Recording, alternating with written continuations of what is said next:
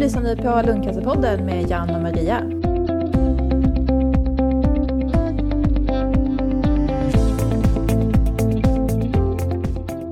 Hej och välkomna till dagens avsnitt av eh, Lungcancerpodden. Innan vi sätter igång med eh, temat för dagen. Så Maria, kan inte du ge oss en liten update? Vad gör du nu för tiden förutom att sitta här idag? Ja, nej, jag, jag mår väldigt bra nu för tiden. Jag är kär och lycklig. Och så har jag Mm. äntligen kommit in i bikram yoga-rutinen igen efter ett långt uppehåll. Så att allt är bra just nu. Mm. Ja, du, du, du väntar på ett röntgenbesked. Hur känns det? Ja, jag har ju haft lite motig sommar om man ser till mitt mående. Och har väl fått känna på hur det kan vara när svensk vård tar semester och akutvården är när den är som sämst. Jag har eh, haft propp i lungan och progression i levern, visat på progression i levern och eh, resistens mot eh, min förra cancermedicin. Så därför har jag nu fått byta behandling. Jag tar blodförtunnande sprutor två gånger om dagen istället för en gång om dagen och står nu på ny målriktad cancermedicin. Så röntgenbeskedet, jag hoppas att det visar på att jag svarar bra på medicinen. Så jag får väl rapportera i nästa avsnitt eh, hur det har gått. Men nu till eh, dagens avsnitt och vår gäst Suki Choi. Förlåt. Suki Choi. Suki Choi ehm, som eh, nu är aktuell med boken Kimchi Kombucha. Den nya vetenskapen om hur tarmbakterierna stärker din hjärna. Vi känner ju varandra lite på avstånd sedan studietiden och jag har följt din resa eh, och hur det har gått från att vara IT-prinsessa till att idag kan vi kalla dig bakteriedrottning. Du får gärna Ja. presentera dig själv. Ja, jag föddes i Rinkeby, växte upp i Husby och sen vart det Huddinge så kallade såna här farliga no-go-zoner. Och kanske så här kan säga, jag har gjort någon typ av klassresa eftersom jag började på Handels, högskolan i Stockholm där vi gick. Och då har jag eh, varit i näringslivet. Sen gick jag in i akademin och doktorerade eh, på Karolinska institutet och forskade på Harvard och sen så jobbade jag inom offentlig sjukvård ett par år innan jag då bestämde mig för att skriva en bok. Eh, och varför just det blev den här boken så var det just under mina tio år innanför eh, Karolinskas murar, både som forskare eh, och att jag jobbade då direkt med Nya Karolinska som jag blev extremt frustrerad över den vård jag såg på så nära håll. Eh, hur den inte fungerar idag. Och det är allting ifrån hur den är organiserad, hur också utbrända nästan jag ser att läkarna och eh, många sjuksköterskor är som liksom räcker inte till att kanske se till den komplexitet som många av sjukdomarna är. Mm. även också att vi eh, i våra kroppar har en otrolig intelligens där jag också har sett hur, hur mediciner blir en sån otrolig ensidig strategi. Det och kirurgi är liksom det som dominerar och eh, bara kunde se hur man pumpar i patienter med massa läkemedel och att man bortser från att organen hänger ihop. Jag tror att det var också därför som jag delvis då fastnade för ämnet, att man kan se tarmen och eh, tarmbakterierna och hjärnan har en otroligt stark koppling som lockade mig till det här ämnet för att också visa på att vi är extremt intelligenta, eh, komplexa varelser som har, eh, ja, att det hänger ihop på ett sätt som inte dagens vård kan ta hand om. Så att jag eh, sa upp mig faktiskt eh, från Nya Karolinska och eh, hade ingen aning om vad jag skulle göra utan jag bestämde mig för att åka iväg till ett eh, retreat i Florida. Men det var ett speciellt retreat för det var eh, cancersjuka eh, patienter bara nästan som var där och eh, terminally ill. Och jag bodde då i tre veckor med eh, ja, tre till fem olika personer som hade då eh, cancer.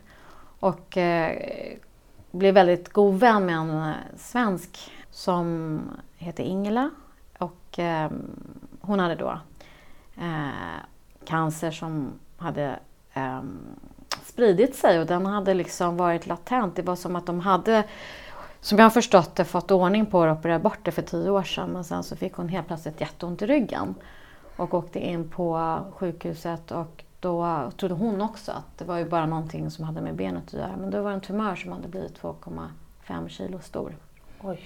Och spridit sig i olika metastaser. Så hon skrev en bok. Eh, det var det sista hon gjorde. Och eh, gick bort tre dagar innan releasen men hon fick ändå ut den. Och det var en process där jag höll ganska nära kontakt med henne och eh, blev väldigt uppmuntrad av henne också att, att skriva en bok som för mig uppmuntrar det friska i oss men indirekt också en kritik faktiskt mot den vård vi har idag. Så att det är mitt mm. bästa sätt att uh, bidra till en bättre hälsa för så många som möjligt. Men det finns en koppling då till cancer på det sättet. Mm. Vi ska fokusera på tarmbakterier och på hur vi kan ha nytta av det. Så kan du förklara lite skillnaden mellan de dåliga och de bra bakterierna? Det är ju så att det finns absolut farliga bakterier men de är ungefär ja, ett hundratal. Medan man nu då har upptäckt ganska sent att de flesta bakterier, ett tusental har man hittills upptäckt, är inte bara som gynnsamma, de är livsviktiga för oss. Så att eh, i runda tal kan man säga att liksom 10% av bakterierna är dåliga och farliga, kan vara, bli farliga, medan de flesta då, 90% är gynnsamma och livsviktiga. Eh, och om man backar bandet då till egentligen universums födelse och jordens tillblivelse så måste vi faktiskt komma ihåg att eh, bakterierna var faktiskt den första livsformen. Så vi måste förstå deras betydelser att eh, flercelliga organismer som vi är springer ur bakterier. Så att bakterierna kom först. Och sen kom tarmens nervsystem. Eh, och det är också väldigt spännande för den kallas för vår andra hjärna där man då har det här, någon typ av hjärnvävnad som täcker då det antalet nervceller som vi har i eh, ryggmärgen. Så 50 till 100 miljoner nervceller ungefär. Och sist kommer då hjärnan som vi har innanför eh, skallbenet, vår kronjuvel. Så att eh, det är ju liksom evolutionärt den så att säga, senaste nykomlingen. Eh, så att vi har haft och, eh, ja, ett symbiotiskt kontrakt med våra bakterier. Ehm, de producerar till exempel vitaminer, hormoner men också har det visat sig signalsubstanser. Eh, allting ifrån adrenalin, noradrenalin, oxytocin, serotonin, dopamin som påverkar då dels vårt humör, det vet vi ju i huvudet, men också tarmens motorik och hur vi mår i tarmen och magen. Eh, så allting hänger ihop och ändrar man på något ställe så klart att det ändrar någon annanstans. Som jag förstår så vill man ju ha mer bra bakterier. Så hur kan man göra för att göda dessa bra bakterier? Ja, eh, Eh, man vill ju göda de eh, gynnsamma bakterierna, mjölksyrabakterierna. Och det gör man då genom att mata dem med fibrer. Eh, och det heter ju prebiotika med ett fint språk. Men det är vattenlösliga fibrer som är, fungerar som mat till då våra mjölksyrabakterier. Och i gengäld så tillverkar då bakterierna massa nyttiga ämnen som vitaminer, hormoner men också då olika kortkedjiga fettsyror, bland annat smörsyran som har visat sig vara väldigt, väldigt eh, viktig. Också i cancerforskning har man kunnat se att just smörsyran har förstått, ja, kan hämma cancerceller. Eh, så att eh, fibrer är det som är då prebiotika. Mm. Mm. Probiotika och prebiotika och psykobiotika ja. är återkommande begrepp i boken. Kan du lite kortfattat, om det går, berätta för oss, vad är det? Tänk att biotika står för bios, som kommer då från eh, liv, betyder det. Eh, så att eh, prebiotika betyder före liv. Det är alltså den mat du matar eh, de här livsformen bakterierna med. Så att det är fibrer i det här fallet. Så det är prebiotika, det vill säga det är maten till dina bakterier. Eh, probiotika betyder ju för liv. Och då står det för de goda, gynnsamma bakterierna som i princip kommer från två grupper och det är Lactobacillus och bifidobakterium, så kallade mjölksyrabakterier som är så otroligt gynnsamma för oss. Och sen har vi då eh, antibiotika, det dödar liv, det är alltså antiliv.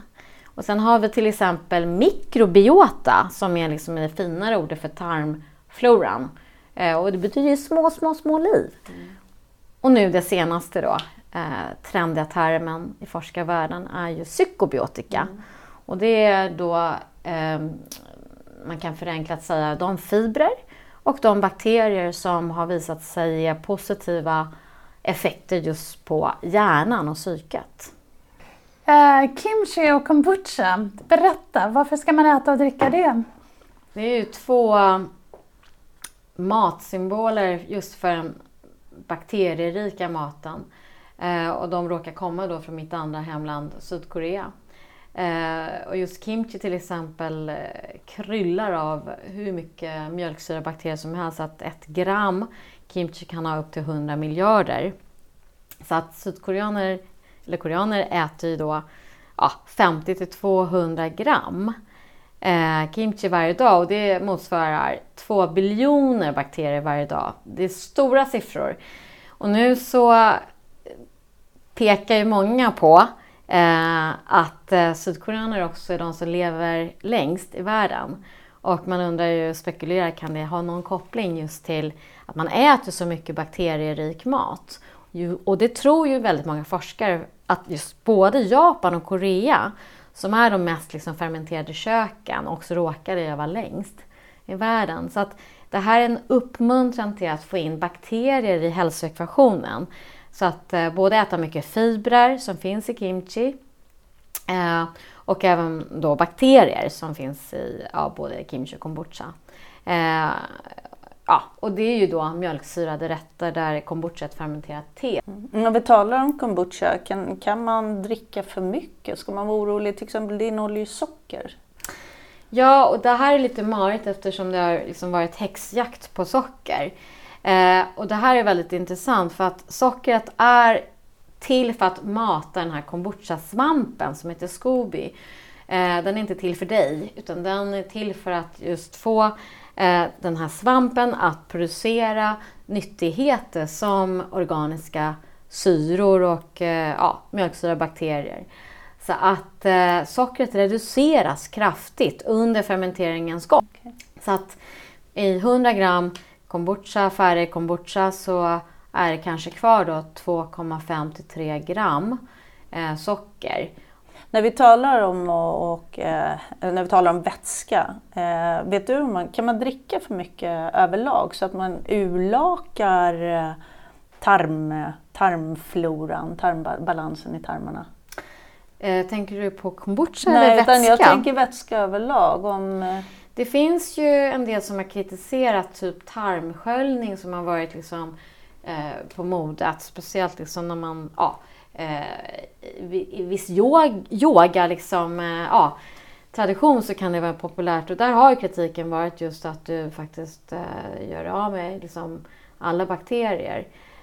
Och det svaret går ju inte att svara ja eller nej på utan det beror helt på vad du har för tillstånd. Till exempel om man tar barn som har autism där man har då försökt att få till en helt ny tarmflora genom fekal transplantation mm. och det är alltså bajsöverföring. Mm. Där har man ju rensat först deras tarmflora just med massa vätska, tarmsköljning, de har fått antibiotika till och med för att bara slå ut mm. liksom, hela deras tarmflora. Och sen så har man då fört över då så kallat friskt då, tarmflora från en, en normal person och det som är så banbrytande är just att man har sett att de här barnen har fått 80-85% förbättring av sina symptom i mag och tarm, tarmen som ofta liksom går hand i hand med autistiska symptom. Och det bisarra är ju att även de klassiska autistiska symptom som har med socialt beteende också har förbättrats kraftigt. Eh, så att har du en sjuklig eh, obalanserad så kallad dysbios, om du har en sån tarmflora då skulle jag vilja säga att det kanske liksom inte är så dåligt att, att liksom få bort den, men har du en frisk tarmflora, ja, då är det ju dumt att liksom skölja bort den. Mm. Du rekommenderar också yoghurt och kefir. Ja, men yoghurt och kefir är kanske lite mer närliggande liksom, fermenterade produkter som vi här är vana vid. Vi har ju vår egen variant och det är ju filmjölk. Eh, och eh, det jag tänker på är ju Metchnikov som eh, var en forskare som studerade bulgarer för att de levde längst, eller länge i alla fall. Just för att han trodde att de eh, fick i sig massa bakterier via liksom den här yoghurten som de eh, gjorde. Så att han eh, åt själv då yoghurt hela livet och forskade mycket om det här. Fick ett, han fick Nobelpris om tror jag, immunsystemet och där kan man väl säga så mycket som att mycket pekar på dagens forskning att just återigen eh, mjölksyrabakterier är väldigt viktiga för vår hälsa. Spelar det någon roll, tror du, vilken typ av mjölksyrabakteriemat du får i dig? Om det är kimchi eller surkål eller kombucha eller yoghurt? Också med tanke på om man är vegan eller så. Det är ju helt oväsentligt om det är liksom en mejeriprodukter eller veganska mm. produkter. Det är ju liksom att du kan lika väl få i de här bakterierna via eh, havrejoghurt och ja, andra varianter. Jag tror att det du, jag ser värde i att, liksom att jag skulle mm. svara mångfald, alltså man äter varierat. Ja, ja. Okay. Och fiberfermenterat. Ja. Det är ointressant vilka som är bärare av maten, det är bakterierna som är det viktiga. Mm. Det andra man ska tänka på är att det ska vara fet variant. Så att, alltså, det har också studier visat att just att det ska vara mycket liksom, inte, fet och inte liksom sån här mager yoghurt också verkar vara väldigt viktigt. Eh, och sen det tredje är att det ska vara så lite socker som möjligt. Så att det är här, man får se det som en slags biokemisk fabrik. När det kommer till fermenterade grönsaker, eh, om man inte fermenterar själv? Mm. Det är samma sak där, att eh, till exempel surkål eh, som innehåller mycket mjölksyrabakterier också säljs idag av många tillverkare som pasteuriserad och då får man ju ganska overksam. Ehm, vi har förstått att grönsaker och frukt äts bäst som de är. Hur är det då med gröna smoothies och såna här juiceklänser? Är de inte så hälsosamma som vi vill tro? Mm, det är en jättebra fråga. Eh, jag har själv eh, en eh, sån här kallpress juicemaskin hemma. Jag har en, liksom en fantastisk eh, smoothiemaskin. Och när jag tog till mig den här eh, nya senaste forskningen så insåg jag ju att det här med juicning kanske inte var det bästa eh, för ens hälsa. Eh, ur ett bakterieperspektiv, då ska man få i sig fiber. Då är det ju bättre med smoothie faktiskt. För då får du liksom i dig fibrerna. Mm. Men eh, det är också väldigt eh, viktigt att se att naturen redan har utrustat oss med liksom vår egen blender och det är liksom käkmuskeln och tänderna. Liksom, det är kroppens starkaste muskler. Så att, eh, och det utsöndrar ju också massa saker som vi ännu inte har kartlagt med, ja, som, som signalerar, signalerar till tarmen via salivutsöndring och sånt där som forskarna tittar på. Så att, eh, man kan väl säga att eh, det är nog bra att äta så mycket fibrer och hela frukter och grönsaker som möjligt. Men eh, om man då till exempel dricker en massa juicer och alternativt som man inte äter frukter så skulle jag påstå att då är det ju bättre än att dricka juicer för du får i dig massa andra nyttigheter som antioxidanter och vitaminer och så. Eh, ja. Följdfråga på då hur bäst eh, vi äter mat. Du skriver i boken till exempel att kall potatis, pasta och ris är bättre än uppvärmd. Men om man nu ändå vill äta varm mat, är det till exempel bättre då att värma upp potatis som har varit kyld? Eh, eller ska man försöka, verkligen försöka äta den kall? Eh, det är väldigt spännande att eh, resistent stärkelse som finns just i kall potatis och ris har visat sig ha den här fina effekten. Och det är så att det finns faktiskt två studier, sen vet jag inte liksom hur verifierade de är, som visar att det till och med är ännu bättre när man värmer upp. Mm. Så att, eh, du, Mat som har, då ja, som har varit kallnat. kyld? Ja. Okay. Så det viktigaste är att den alltså kyls så att mm. du ändrar liksom Mm. Eh, de molekylära strukturerna okay. till att det blir resistent ja. stärkelse. Sen finns det som sagt för eh, man får titta på de här studierna. Eh, för att få i sig stärkelse har vi också förstått att man kan äta potatismjöl. Hur mycket ska man då äta och är det något eh, man ska tänka på när man köper potatismjöl? Ja, men jag har förstått att det i den här tarmflora-hysterin så försöker många sälja liksom prebiotika och jag kan tro att det är mycket potatismjöl bara som man säljer så att det är billigare att köpa potatismjöl som i princip är definitionen på resistent stärkelse, 72 procent mm. ska vara det. Så att de som är extremt hardcore och vill verkligen stärka sin ja, immunförsvar och hjärnans hälsa, de blandar ju ut då potatismjöl, två, tre matskedar i ett glas iskallt vatten. får inte bli uppvärmt, då blir det inte resistent. Okay. Och dricker det på morgnarna. Och det är som ett sätt att mata då dina eh, snälla bakterier som i sin tur tillverkar då smörsyra som är så otroligt viktigt på mm. alla sätt och vis. Eh, men jag personligen klarar inte av det, jag har provat det. Så att jag eh, väljer att äta rå sötpotatis som man kan skala och liksom skära i stavar. Det är väldigt gott. Hur är det med eh, vin och öl? Vin och öl är ju faktiskt också fermenterade eh, smaskigheten. Men jag skulle vilja påstå att den hamnar tyvärr inte under kategorin nyttigheter för kroppens hälsa. För att den har ju så mycket annat som man ska vara lite aktsam som, mm. ja, du vet, vid det här mm. laget. Mm. Alkohol. Mm. De senaste åren har ju dieter som LCHF varit i ropet och i Cancerforum diskuteras till exempel ketogen diet och fasta en hel del. Det vore intressant att höra hur du ser på dessa dieter. Eh, fasta har ju visat sig vara väldigt gynnsam för just en eh, liksom frisk tarmflora. Eh, och det var ganska nyligen som en japan, jag tror det var 2016, fick Nobelpriset för att ha kunnat visa att ja, via fastan så äter ju, äts liksom, det är någon slags kannibalistisk modell där liksom sjuka celler och sådär äts upp av kroppen på något sätt. Vilket gör att eh, vi rensar kroppen från väldigt mycket gifter och sådär. Eh, LCHF och GI däremot har ju ur ett eh, eh, mikrobiotiskt perspektiv så är ju inte det särskilt bra.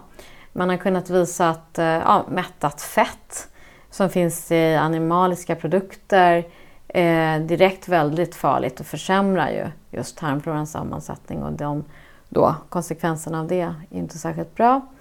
Eh, däremot eh, så är det viktigt med eh, fleromättat eh, och omättat fett, speciellt då omega-3. Eh, och sen så eh, har du ju då eh, fan, ja, fibrerna framförallt som finns i växtbaserad mat.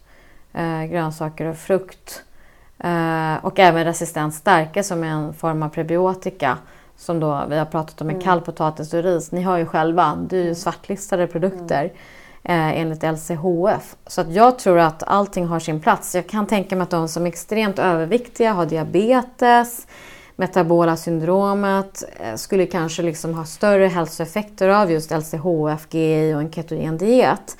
Men är man eh, liksom säg att man då är frisk och bara vill liksom verkligen leva länge och gynna sin tarmflora och hjärnhälsa, då är det absolut inte att råda. Så du, den här kolhydratsrädslan ja. som finns, den är egentligen inte alls befogad ur ett tarmperspektiv? Ja, tvärtom. Tvärtom, tvärtom så sabbar du din tarmflora genom att plocka bort komplexa kolhydrater. Men socker ska bort, men det är ju inte det vi pratar om här. Vi pratar om komplexa kolhydrater som finns i frukt och grönsaker och resistent stärkelse. Mm. Du har ju i din bok plöjt igenom mer än 400 studier. Har du några favoriter som du kan nämna så här på rak arm? Ja, det har jag absolut. Um, en studie så tog man avföring från um, Parkinson-patienter, alltså människor till uh, normala möss. Och mössen uppvisade direkt de här klassiska Parkinsons symptom då. Vilket gör att eh, det chockade hela forskarvärlden. Eh, och eh, de här forskarna tror till och med att eh, Parkinson kanske till och med börjar i tarmen. Man har hittat det här placket som eh, finns då bildats i hjärnan har man hittat då i tarmen. Så att det finns en liksom mycket, en otroligt stark koppling mellan Parkinson, tarmen och tarmbakterierna. Det är en sån här jättehäftig studie. Eh, sen har du ju även eh, Ja, jag har ju nämnt den studien som handlar om autistiska barn som då eh, fick byta ut sin tarmflora eh, Mm. och fick en otroligt liksom, kraftig för- förbättring, så nästan man knappt tror på forskningsresultaten. Eh, på flera symptom som är relaterade till autism, inklusive mag och tarmbesvär men också då de lite mer kognitiva aspekterna. Eh, och sen kanske jag ändå, alltså, som är mest provocerande, tycker jag ändå att eh, det finns djurstudier som visar att eh, eh, mjölksyrabakterier som du hittar då i mat som kimchi, kombucha, yoghurt eh, har samma effekt, eller om inte mer till och med, som eh, starka läkemedel som Prozac, antidepressiva. Så att eh, det är fortfarande djurstudier men man ska liksom inte underskatta dem för att det finns hittills då de kliniska studier som har gjorts på människor ekar och liksom bara ja, validerar egentligen det man har hittat i djurstudier. Mm. Två av de studierna du nämnde det, eh, det handlar ju om fekal transplantation. Eh, Ja. Vad tror du till exempel på en framtid eh, där flera som har en allvarlig sjukdomsdiagnos skulle kunna bli hjälpta av en fekal transplantation? Ehm, det tror jag absolut. Eh, Om vi får bort den här mänskliga Ja. äckelfaktorn eh, och ser till liksom att hälsoeffekterna eh, är viktigare så tror jag just i, i de fall där människor är svårt sjuka att det kan motiveras. Redan idag används det som ett vårdprotokoll mot C. diff-infektioner som är väldigt allvarliga. Där har man ju kunnat visa just att fekal transplantation är absolut utan tvekan det mest effektiva. Så att eh, i USA så levererar man ju då eh, bajs till olika sjukhus och använder det här. Eh, det som är fantastiskt är om man liksom kan använda det för just eh, neurologiska och psykiska diagnoser som eh, många hoppas på. Eh, och många tror att det kanske kan vara intressant eh, vårdprotokoll i de fall där till exempel mediciner inte funkar. Så åtminstone som ett komplement. Sen får ju forskningen utvisa eh, liksom, vilken medicinsk kapacitet det har. Men eh, ja, allt pekar ju på att det är ganska... Men om man inte är akut sjuk, eh, kan man göra det idag och i sådana fall var någonstans? Det här ska man ju se som ett protokoll inom sjukhusens väggar. Så att jag brukar avråda alla eh, ivriga människor från att göra fekal transplantation i sitt eget kök. Det blir bara kladdigt och dessutom är det många bakterier som är farliga. Så att eh, det här ska man verkligen ha stor respekt för. Eh, även om det kliar i, i många fingrar. Har du några tips för oss cancerpatienter? Hur vi kan äta och dricka för att stärka vårt immunförsvar? Jag tror att tipsen som eh, samtliga som forskar inom det här området skulle se, de är ganska generiska. Eh, och det är, brukar jag säga, man kan se det som 4F för att bara komma ihåg någonting. Eh, och det är att äta fiberrikt, mycket växtbaserad mat, hela frukter och grönsaker och rå. Ja. Det andra är fermenterad mat, det vill säga att du får i dig då gynnsamma mjölksyrabakterier via mat som kimchi kombucha kan vara lite exotiskt men även liksom surkål och ja, yoghurt och andra så mjölksyrade produkter. Det tredje F eh, är fisk. Att eh, det fettet eh, som man får i sig kommer då från just omega-3. Men du kan även hitta det i nötbaserade oljor. Och sen det fjärde som kanske är ändå det viktigaste rådet det är ju färgrikt. Att eh, mångfald idag säger liksom nästan alla är det viktigaste att inte äta ensidigt. Utan tarmfloran speglar väldigt mycket den liksom variation eh, som finns i maten. Och eh, för 10 000 år sedan så åt våra förfäder eh, hundratals upp till tusentals olika växt och djurarter. Eh, och med jordbruksrevolutionen så reducerade vi idag eh, till liksom en handfull spannmål som 50% av kalorierna som intas varje dag kommer från fem spannmål. Eh, så vi har ju liksom förolämpat tarmfloran ganska mycket så vi behöver återigen få upp en enorm variation i det vi äter. Mm. Vi som är cancerpatienter, många av oss tar ju värktabletter eh, av olika slag. Till exempel morfin eller paracetamol, acetylsalicylsyra eller ibuprofen. Eh, vad kan de ha för påverkan på tarmhälsan? Troligtvis negativ.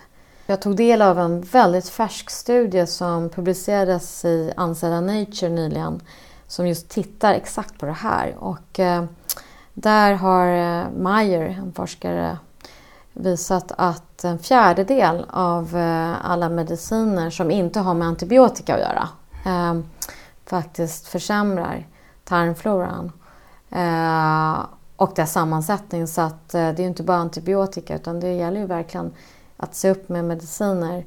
Eh, återigen det här vi pratade om att alla organ och allting hänger ihop. Och, eh, tarmfloran definieras idag som ett eget organ.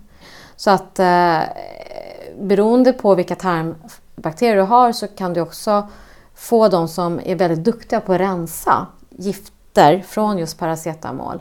Så det är liksom väldigt intressant det här med hur det hänger ihop med medicinen. Så att, eh, vissa tarmbakterier är bättre på att rensa ut de här gifterna och andra inte.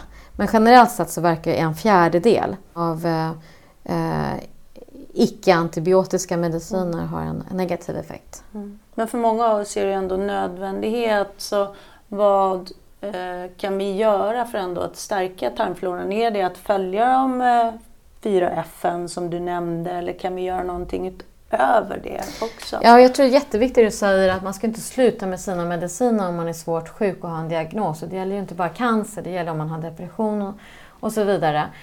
Jag tror att eh, det är viktigt att poängtera att medicinerna och de vårdprotokoll som finns har en plats för de som har blivit sjuka. Det är jätteviktigt. Det här handlar mer om att liksom se till den förebyggande aspekten för den stora liksom massan som nu också faktiskt är på väg in i de stora sjukdomarna.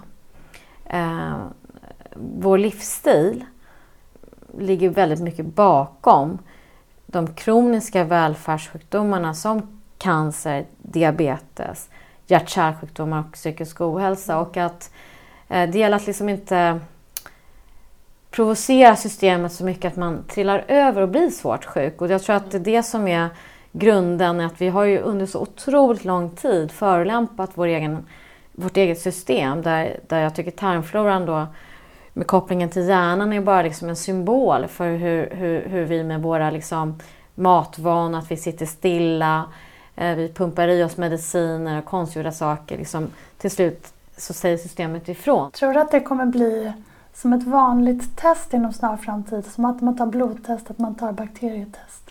Ja, absolut. Och det finns ju redan nu. Eh, till exempel två jättestora forskningsprojekt eh, The American Gut Project och The British Gut Project som eh, samlar in just fekala eller bajsprover från folket där man då deltar i väldigt stora forskningsstudier man får då ta del av forskningsresultaten. Och sen finns det aktörer som eh, redan nu, eh, precis som det finns företag som tar in blodprover och ger dig liksom resultat så finns det amerikanska företag som analyserar dina eh, eh, vad ska jag kalla det för, avföring men än så länge så kan du inte göra mer än att göra det. Du behöver rekommendationer och veta vad du ska göra. Och där är det fortfarande alldeles för tidigt. Om man ska köpa kosttillskott, vad ska man tänka på då? Då ska man tänka på att de flesta är, är verksamma. Eh, det finns stora studier och marknadsundersökningar som har visat att eh, eh, det är många som försöker sko sig på den här tarmflorovågen. Så att Dels så innehåller de inte de bakterier som det ska innehålla. Eh, I vissa fall har man till och med dessutom hittat farliga bakterier. Så att man ska vara sjukt försiktig. Eh, och dessutom så handlar det också om leveransmetoden för att eh, du måste ha en obruten kylkedja. Så att har du liksom utsatt de här kapslarna för hög temperatur någon gång under leveransen så har ju de hunnit dö. Eh, undantaget är frystorkade eh, bakterier som man kan då hitta i kapslar. Så att, Så då gör jag, Ja. om jag förstår det rätt, då gör jag bäst i att köpa dem i butiken och beställa dem över nätet. det beror på om de är frystorkade inte. Så Mm. att tillverkningsmetoden är viktig. Men jag skulle absolut rekommendera maten. Det är absolut den bästa bäraren av levande bakterier. För maten reglerar ju automatiskt om det blir mm, skala bakterier och eh, eh, de som tar över så får du möglig mat och då slänger du det. Så att du får ju garanterat liksom levande bakterier via maten. En cancerdiagnos eh, kan ju ofta medföra att man som drabbad eh, blir deprimerad eller upplever stress. Har du några tips på vad man kan göra för att hantera det? Alltså, vi är ju människor också, så att man får inte glömma bort det. Liksom att vi har, tänker jag, både liksom en av natur given eh, djurisk kropp. Och där kan man ju säga att stress och depression såklart gynnar ju inte eh, tarmfloran och det kan till och med stärka psykisk ohälsa. Ehm, så det är klart att eh, det är jättebra om man kan få ner stressen samtidigt som jag tycker man kan ändå ha, liksom, vara lite snäll mot sig själv och ha förståelse för det. Men om du ska fråga mig så har jag bara ett enda svar. Eh, och det är meditation. Så att jag har ju själv utövat meditation i eh, snart 30 år. Eh, och jag har känt också med den digitala revolutionen som helt bisarrt jag var en del av att starta är ju också en stressskapare utan dess lika. Så att jag är ganska orolig för framtiden. Jag undrar hur mycket vi liksom utsätter nu våra biologiska eh, system för. Eh, stress är inte bra. Så att mitt enda råd är liksom alla har ju sina vägar om man ska vara ute i naturen eller med sina nära och kära. Allt som gör att du sänker din stressnivå. Och personligen så har jag hittat min favoritmetod och det är ju det är meditation. Mm. Om man nu vill komma igång med att göra sin egen eh, kombucha eller kimchi, vad ska man tänka på? Ehm, jag har ju med flit verkligen jobbat stenhårt för att ta fram superenkla eh, recept i boken. Och när man gör kimchi till exempel så är det många som använder för lite salt för att de har fått för sig att det är dåligt. Och då ökar risken för att du får mögel och eh, ja, helt enkelt en oduglig kim- kimchi. Så att följ receptet verkligen till punkt och pricka så blir det jättebra.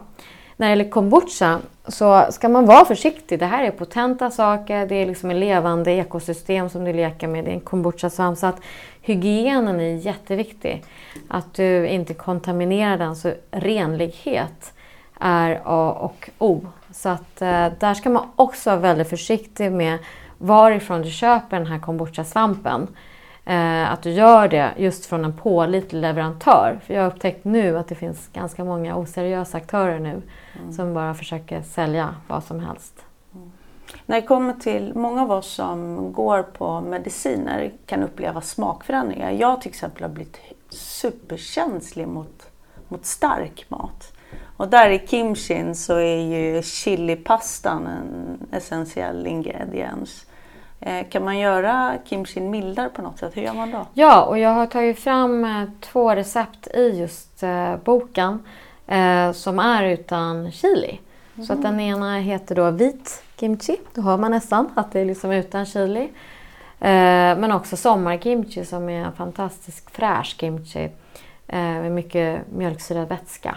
Så att eh, behöver absolut inte ha chili med kimchi. Okej, vad bra. Vi vill avsluta med att påminna om eh, lungcancerdagen som är den 8 november. Som vanligt kommer den hållas på Oscarsteatern och alla är välkomna. Mer information om dagen och hur du anmäler kan du hitta på Lungcancerpodden under texten om det här avsnittet. Och där ligger också eh, länkar till Sokis hemsida. Och förresten, ni lyssnare där ute, ni får jättegärna komma in med tips och önskemål på teman för kommande avsnitt. Vi har till exempel fått in önskemål om dating och Maria här, du är ju mer eller mindre proffs på området, eller hur? Så har du tankar kring dating, mejla oss gärna på, ja eller andra förslag för den delen. Mejla oss på info.lungcancerpodden.se eller så kan du posta det på vår Facebook-sida. Och med det vill vi eh, tacka för idag och stort tack Soki för att du kom hit idag och lärde oss så mycket nytt. Tack. Tack. Tack så mycket. Tack för att du lyssnade på Lundcancerpodden med Jan och Maria. De senaste avsnitten hittar du alltid på lundcancerpodden.se eller i din podcastapp.